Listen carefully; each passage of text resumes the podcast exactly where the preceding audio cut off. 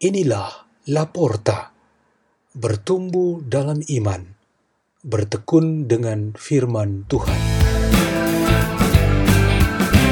Dibawakan oleh Maria Fidelia Wuluniron dan Markus Sogepurap dari Gereja Keluarga Kudus Lewoglaran, Paroki Santo Mikael Kalike, Keuskupan Laran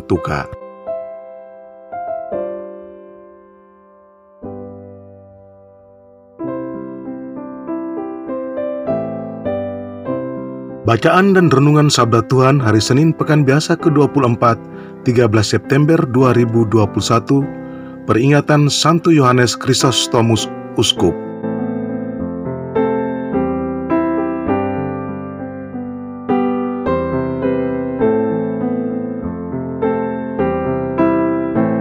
Pembacaan dari surat pertama Rasul Paulus kepada Timotius bab 2 ayat 1 sampai 8. Saudara terkasih, pertama-tama aku menasihatkan agar dipanjatkan doa-doa dan permohonan serta ucapan syukur kepada Allah bagi semua orang, bagi pemerintah dan penguasa, agar kita dapat hidup aman dan tentram dalam segala kesalehan dan kehormatan.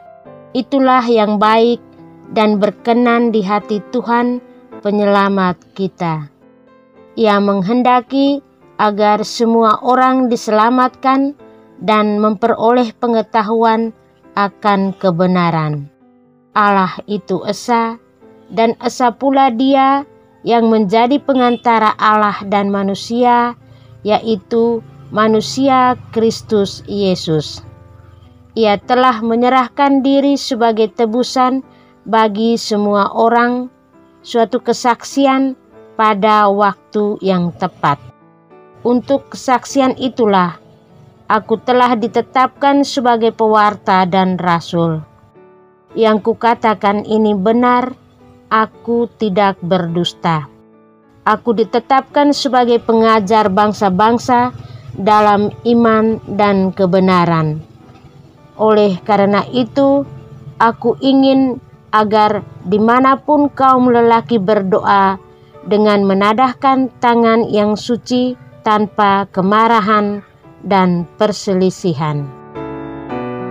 Demikianlah sabda Tuhan.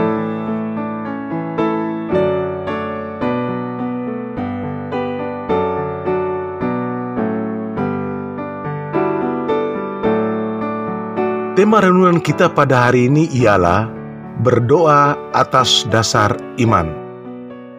Santo Yohanes Chrysostomus berasal dari Antioquia, sekitar daerah Syria, dan dikenal sebagai bapa gereja terbesar dari gereja timur.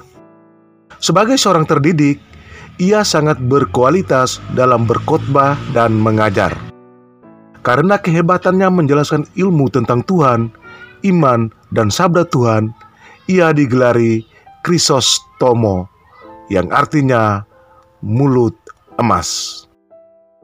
Emas merupakan simbol keunggulan tertinggi yang pas untuk dikenakan kepada Tuhan Allah.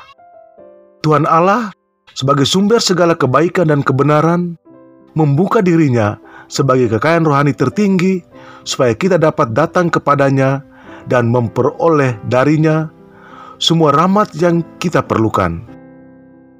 Sarana untuk sampai kepadanya dan mendapatkan berkatnya ialah ketika kita berdoa dan menghubungkan jiwa kita dengannya.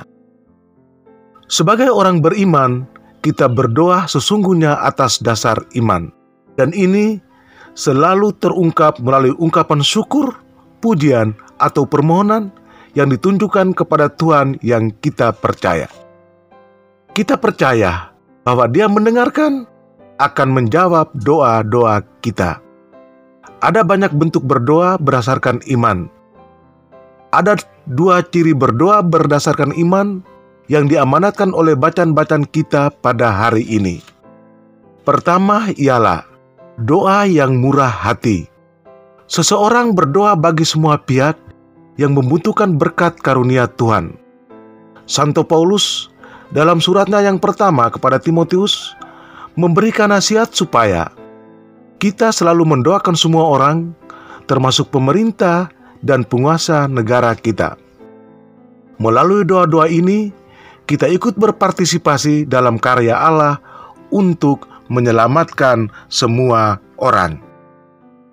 Lawan dari doa yang murah hati ialah doa yang pelit, diskriminatif, dan rasial.